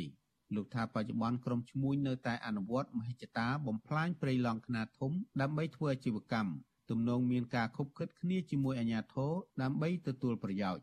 មើលដាច់កន្ទុយភ្នែកនឹងនិយាយរួមទៅវាកាប់ឡើងធ្លាហ្នឹងកាប់ឡើងពីពីពីទឹកដីឃុំលងជ្រៃឡើងធ្លាដល់ឃុំលងភេហ្នឹងខ្ញុំចូលទៅវាអត់មានប្រៃទេប្រៃទៅដប់ដប់គាត់វាសល់តិចតួចហើយស្រកាបកឋាននៅនឹងគេមិនធ្វើហើយយើងគិតយើងធ្វើមិនមកយើងប្រាប់ គាត់យើងរាយការណ៍ផ្គាត់ឈ្មោះអ្នកឈ្មោះដីក៏យើងប្រាប់អ្នកណាអ្នកណាហើយឈើកាប់ប៉ុណ្ណាណីហើយគេមិនធ្វើយើងនឹងធ្វើមិនកាលពីពាក់កណ្ដាលឆ្នាំ2020ប្រជាសហគមន៍ព្រៃឡង់រកឃើញថាដីព្រៃសាធារណៈរបស់រដ្ឋទំហំជាង1300ហិកតានិងដែនជម្រកសត្វព្រៃឡង់មានទំហំជាង2600ហិកតាគ្រប់គ្រងដោយក្រសួងបរិស្ថាន បានទទួលរងការឈូសឆាយទន្ទ្រានកាន់កាប់និងលក់ដូរបែបអនាធិបតេយ្យ ពួកគេបារម្ភថាទំហំព្រៃឡង់នឹងកាន់តែរួមតូចពីមួយឆ្នាំទៅមួយឆ្នាំដោយសារសកម្មភាពឈូសឆាយនិងកាប់ទន្ទ្រានដោយខុសច្បាប់ទាំងនេះខ្ញុំបាទលេងម៉ាលីវិទ្យុអស៊ីសេរីរាយការណ៍ពីរដ្ឋធានី Washington បាទលោកនាងកញ្ញាជាទីមេត្រីលោកនាងកំពុងតាមដានស្ដាប់ការផ្សាយរបស់វិទ្យុអស៊ីសេរីពីរដ្ឋធានីវ៉ាស៊ីនតោនសហរដ្ឋអាមេរិកបាទនៅមុនពេលនយោបា ទនៅមុនពេលលោកនាយករដ្ឋមន្ត្រីហ៊ុនសែនទៅទស្សនកិច្ចនៅប្រទេសមីយ៉ាន់ម៉ាឬភូមានោះដើម្បីស្វែងរកដំណោះស្រាយនយោបាយនៅប្រទេសភូមានៅក្នុងនាមជាប្រធានអាស៊ាននេះក្រុមអង្គការសង្គមស៊ីវិលជាតិនិងអន្តរជាតិរួមទាំងអ្នកវិភាគផងអះអាងថាលោកហ៊ុនសែនមិនអាចស្វែងរកដំណោះស្រាយនយោបាយនៅភូមាបានឡើយ។បាទការលើកឡើងនេះនៅស្របពេលដែលលោកហ៊ុនសែននៅតែតាំងចិត្តធ្វើទស្សនកិច្ចនៅភូមិដដែលទោះបីជាមានការរិះគន់បែបណាក្តី បាទពីរដ្ឋធានី Washington លោកទីនសាការីយ៉ារាយការណ៍ជុំវិញព័ត៌មាននេះនិវិភាគនឹងអង្គការសង្គមស៊ីវិលជាតិអន្តរជាតិអះអាងថាលោកនាយករដ្ឋមន្ត្រីហ៊ុនសែនដែលធ្វើទស្សនកិច្ចនៅប្រទេសមីយ៉ាន់ម៉ាឬភូមាចាប់ពីថ្ងៃទី7ដល់ថ្ងៃទី8មករានេះមិនអាចដោះស្រាយវិបត្តិនយោបាយនៅភូមាបានឡើយនិវិភាគនយោបាយនៅប្រទេសខ្លួននៅក្រៅប្រទេសលោកកឹមសុខលើកឡើងថាលោកហ៊ុនសែននឹងទៅជួបមេដឹកនាំយោធាភូមិលោកមីនអងលៀងនេះនឹងមិនមានលទ្ធផលនយោបាយល្អអ្វីនៅឡើយសម្រាប់ប្រជាពលរដ្ឋភូមិ លោកបញ្ជាក់ថាដំណើរទស្សនកិច្ចរបស់លោកហ៊ុនសែននៅពេលនេះគ្រាន់តែជាការពង្រឹងអំណាចផ្ដាច់ការនៅក្នុងតំបន់និងដើម្បីបំពេញចិត្តប្រទេសកុម្មុយនីសចិនតែប៉ុណ្ណោះនេះជាបេសកកម្មរបស់ ប្រទេសចិនហើយនិងរុស្ស៊ីដែលចង់ឲ្យលោកហ៊ុនសែនធ្វើជាភ្នាក់ងាររបស់ខ្លួន ទៅសម្របសម្រួលរកវិធីពង្រឹងពេលរដ្ឋប្រហារនៅប្រទេសភូមាដើម្បីបំរើផលប្រយោជន៍នយោបាយរបស់ប្រទេសចិននិងប្រទេសរុស្ស៊ីប្រសិនបើលោកហ៊ុនសែនមិនទៅគឺធ្វើឲ្យចិនកកចិត្តនឹងគាត់រុស្ស៊ីក៏មិនសប្បាយចិត្តនឹងគាត់ចិននិងរុស្ស៊ីមិនសប្បាយចិត្តធ្វើឲ្យបង្អែកនៃការការពារអំណាចរបស់លោកហ៊ុនសែនហើយនឹងផែនការផ្ទៃអំណាចរបស់លោកហ៊ុនសែនទៅកូនប្រុសកាន់តែខ្សោយរំពោះរំកើខ្លាំងនៅមុនពេលលោកហ៊ុនសែនទៅជួបមេដឹកនាំរដ្ឋប្រហារភូមាលោកមីនអងឡាំងបរដ្ឋភូមាបានធ្វើបាតកម្មប្រឆាំងនឹងវត្តមានរបស់លោកហ៊ុនសែននៅភូមាប្រជាពលរដ្ឋទាំងនោះបានយករូបថតលោកហ៊ុនសែនជន់ឈ្លីនិងដុតចោលជាដើមកាលពីពេលថ្មីថ្មីនេះមានក្របបែកឆ្នៃពីក្របបានផ្ទុះនៅក្បែរស្ថានទូតកម្ពុជាប្រចាំនៅភូមាថែមទៀតរីឯសមាជិកសភានិងអង្គការសង្គមស៊ីវិល ក៏បានចេញសេចក្តីថ្លែងការណ៍ថ្កោលទោសលោកហ៊ុនសែនជាបន្តបន្ទាប់ដែរក្រុមអង្គការសង្គមស៊ីវិលភូមានិងកម្ពុជាសរុបជិត200ស្ថាប័នបានចេញសេចក្តីថ្លែងការណ៍រួមគ្នាកាលពីថ្ងៃទី4មករាថ្កោលទោសលោកហ៊ុនសែនដែលគាំទ្ររបបផ្សិតភូមាក្រុមអង្គការសង្គមស៊ីវិលទាំងនោះថាលោកហ៊ុនសែនកំពុងតែគាំទ្រអក្រិតកម្មប្រឆាំងមនុស្សជាតិអក្រិតកម្មសង្គ្រាម និងអំពើប្រល័យពូជសាសន៍សេចក្តីថ្លែងការណ៍បញ្ជាក់ថារបបផ្សិតភូមាដែលដឹកនាំដោយលោកមីនអងលៀង បានធ្វើរដ្ឋប្រហារទម្លាក់រដ្ឋាភិបាលស៊ីវិលរបស់អ្នកស្រីអង្សានសុជីនោះមិនត្រឹមតែបង្កឲ្យមានការឈឺចាប់ដល់បរដ្ឋភូមាប៉ុណ្ណោះទេតែថែមទាំងបានបង្កការគំរាមកំហែងដល់សន្តិភាព និងស្ថិរភាពនៅក្នុងតំបន់ទាំងមូលគិតមកទល់ពេលនេះរបបសឹកមីយ៉ាន់ម៉ាបានសម្លាប់មនុស្សចំនួន1398នាក់ហើយរួមទាំងកុមារផង និងមនុស្សជាង11000នាក់ផ្សេងទៀតកំពុងតែជាប់ឃុំឃាំងរបបសឹកបានធ្វើទរណកម្មអ្នកជាប់ឃុំទាំងនោះ រួមមានការបង្អត់អាហារទឹកការធ្វើឃាតការរំលោភស្ត្រី រំលោភបោកទាំងក្នុងនិងក្រៅពន្ធនាគារជាដើមក្រុមសមាជិកសភាអាស៊ានដើម្បីសិទ្ធិមនុស្សក៏បានចេញសេចក្តីថ្លែងការណ៍ប្រកាសព័ត៌មានកាលពីថ្ងៃទី5មករាចាត់ទុកដំណើរទស្សនកិច្ចរបស់លោកហ៊ុនសែនទៅកាន់ប្រទេសមីយ៉ាន់ម៉ានេះគឺជាការបញ្ជាក់យ៉ាងច្បាស់អំពីចេតនាចង់ដាក់មេដឹកនាំរបបយោធាមីនអងលៀងជាតំណាងឲ្យប្រទេសមីយ៉ាន់ម៉ាក្នុងពេលបរដ្ឋមីយ៉ាន់ម៉ានិងប្រទេសលោកសេរីមិនទទួលស្គាល់របបយោធានេះ សេចក្តីប្រកាសព័ត៌មានបន្ថែមថាកាយវិការរបស់លោកហ៊ុនសែនបែបនេះធ្វើឲ្យប៉ះពាល់ដល់ភាពជឿជាក់របស់អាស៊ាន និងគម្រាមកំហែងដល់ការរួបរวมក្នុងតំបន់និងកិច្ចខិតខំប្រឹងប្រែងដើម្បីត្រឡប់ទៅរកមាគ៌ាប្រជាធិបតេយ្យនៅក្នុងប្រទេសមីយ៉ាន់ម៉ាឆ្លើយតបនឹងការលើកឡើងនេះលោកនាយរដ្ឋមន្ត្រីហ៊ុនសែនថ្លែងកាលពីថ្ងៃទី5មករាហាក់បន្ទន់អរិយាប័ត្រថាលោកទៅជួបមេដឹកនាំយោធាភូមិនេះគឺមិនអោយឃ្លាតឆ្ងាយពីគោលការណ៍របស់អាស៊ានទាំង5ចំណុច ដែលបានឯកភាពគ្នាកាលពីឆ្នាំ2021ឡើយតែលោកថាកំអាលទុកចិត្តពេកលើប្រធានអាស៊ាន ហើយក៏កំអាលបន្ទោសប្រធានអាស៊ានដែរសូមរងចាំមើលលទ្ធផលសិនសភាពការនៅម៉ាយ៉ាម៉ាវាមិនសាមញ្ញដូច្នេះយើងក៏ត្រូវតែប្រើវិធានការមិនសាមញ្ញដែរ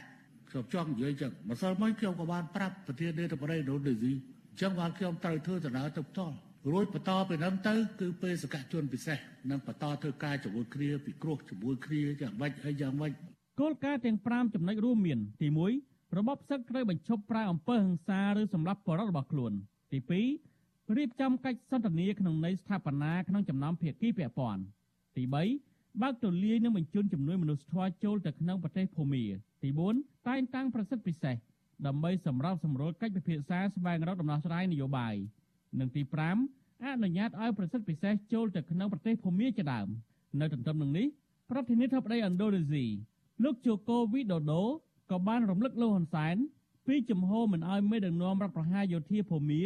ចូលរួមកិច្ចប្រជុំអាស៊ានដែរលោកប្រមានមេដឹកនាំអាស៊ានបដូវវេនថ្មីលហ៊ុនសែនថាប្រសិនបើគ្មានការវិវត្តជាដុំកំភួនស្ដីពីការអនុវត្តកិច្ចព្រមព្រៀងទាំង5ចំណុចនេះនោះបុគ្គលដែលអាចធ្វើជាអ្នកតំណាងរបស់ប្រទេសភូមា មកចូលរួមកិច្ចប្រជុំកំពូលអាស៊ានបានត្រូវតែមិនមែនជាអ្នកនយោបាយតែទៅនឹងបញ្ហានេះនេះវិភាគនយោបាយលោកកឹមសុខមានរំពឹងថាដំណើរទស្សនកិច្ចរបស់លោកហ៊ុនសែនទៅប្រទេសភូមានេះនឹងទទួលបានលទ្ធផលផ្លែផ្កាអ្វីឡើយពីព្រោះថាដំណើរទស្សនកិច្ចរបស់លោកហ៊ុនសែនមិនមែនជាអ្នកសម្របសម្រួលស្វែងរកដំណោះស្រាយនយោបាយរួមរបស់មីយ៉ាន់ម៉ានោះទេផ្ទុយទៅវិញលោកហ៊ុនសែនតគាំទ្ររបបសឹក ដំណើរទស្សនកិច្ចនេះមិនជោគជ័យទេពីព្រោះទី1រងការរិះគន់រួចជាស្រេចទៅហើយពីសហគមន៍អន្តរជាតិពីបណ្ដារដ្ឋអាស៊ានដូចគ្នាទាំងមិនពេញចិត្តពីប្រជាពលរដ្ឋខ្មែរហើយរងការកោតទោសពីប្រជាពលរដ្ឋភូមាដែលជាម្ចាស់នៃប្រទេសភូមាប្រទេសប្រ៊ុយណេក្នុងនាមជាប្រទេសអាស៊ាន បានបរាជ័យលើការដោះស្រាយវិបត្តិនយោបាយនៅមីយ៉ាន់ម៉ានេះម្ដងរួចបង្ហើយកាលពីឆ្នាំ2021ប្រទេសប្រ៊ុយណេ បានព្យាយាមបញ្ជូនប្រសិទ្ធពិសេសទៅភូមាដើម្បីចរចាស្វែងរកដំណោះស្រាយនយោបាយនៅភូមាដោយចង់ជួបគ្រប់ភាគីនិងទាមទារឲ្យរបបសឹកបញ្ឈប់ការសម្លាប់បរដ្ឋដោយដែលមេដឹកនាំយោធាបានព្រមព្រៀងនៅក្នុងគោលការណ៍ទាំង5ចំណុចរបស់អាស៊ានក៏ប៉ុន្តែរបបសឹកមិនបានគោរពគោលការណ៍ទាំង5នេះទេអ្នកនាំពាក្យរបបសឹកលោកសាវមិនតុនបានលើកឡើងកាលពីចុងឆ្នាំ2021ថាភូមាមិនបានបាត់ផ្លូវតំណាងអាស៊ាន ឬប្រសិទ្ធពិសេសចូលទៅភូមានោះទេតែតំណាងប្រសិទ្ធពិសេសនេះមិនអាចទៅជួបនៅជ្រៃអងសានសូជីបានឡើយដោយលោកអះអាងថានៅជ្រៃអងសានសូជីកំពុងតែប្រឈមនឹងទោសអក្រិតរីឯអ្នកខ្លោមើលផ្នែកអភិវឌ្ឍសង្គមបណ្ឌិតសេងសេរីវិញមានសុតិធិនិយមថាដំណើរទស្សនកិច្ចរបស់លោកហ៊ុនសែនទៅកាន់ប្រទេសភូមាឬមីយ៉ាន់ម៉ាអាចមានលទ្ធផលខ្លះពីព្រោះមេដឹកនាំយោធាអាចយកយល់ខ្លះដល់រដ្ឋាភិបាលកម្ពុជាដោយសារតែមេដឹកនាំទាំងពីរមានទំនោរទៅរកចិនដូចគ្នា ភូមិរដ្ឋាភិបាលយោធានឹងមានការយោគយល់ចំពោះរដ្ឋាភិបាលចិន នឹងមានការធ្វើការសម្បទានខ្លះយ៉ាងហោចណាស់ក៏ប្រហែលជារដ្ឋាភិបាលយោធាដឹកនាំដោយមានអង្លាំងហ្នឹងអនុញ្ញាតឲ្យជួបអ្នកស្រីអង្សាំងស៊ូជីពីកន្លងមកហ្នឹងប្រតិភូពិសេសរបស់អាស៊ានកាលពីសម្រាប់គ្នានៅឥណ្ឌូនេស៊ី5ចំណុចហ្នឹងគឺរដ្ឋាភិបាលយោធាមិនអនុញ្ញាតឲ្យប្រតិភូពិសេសឬក៏ក៏បេសកជនពិសេសហ្នឹងជួបអ្នកស្រីអង្សាំងស៊ូជីទេប៉ុន្តែអ្វីដែលខ្ញុំនៅបារម្ភដែរហ្នឹងគឺក្រែងលោ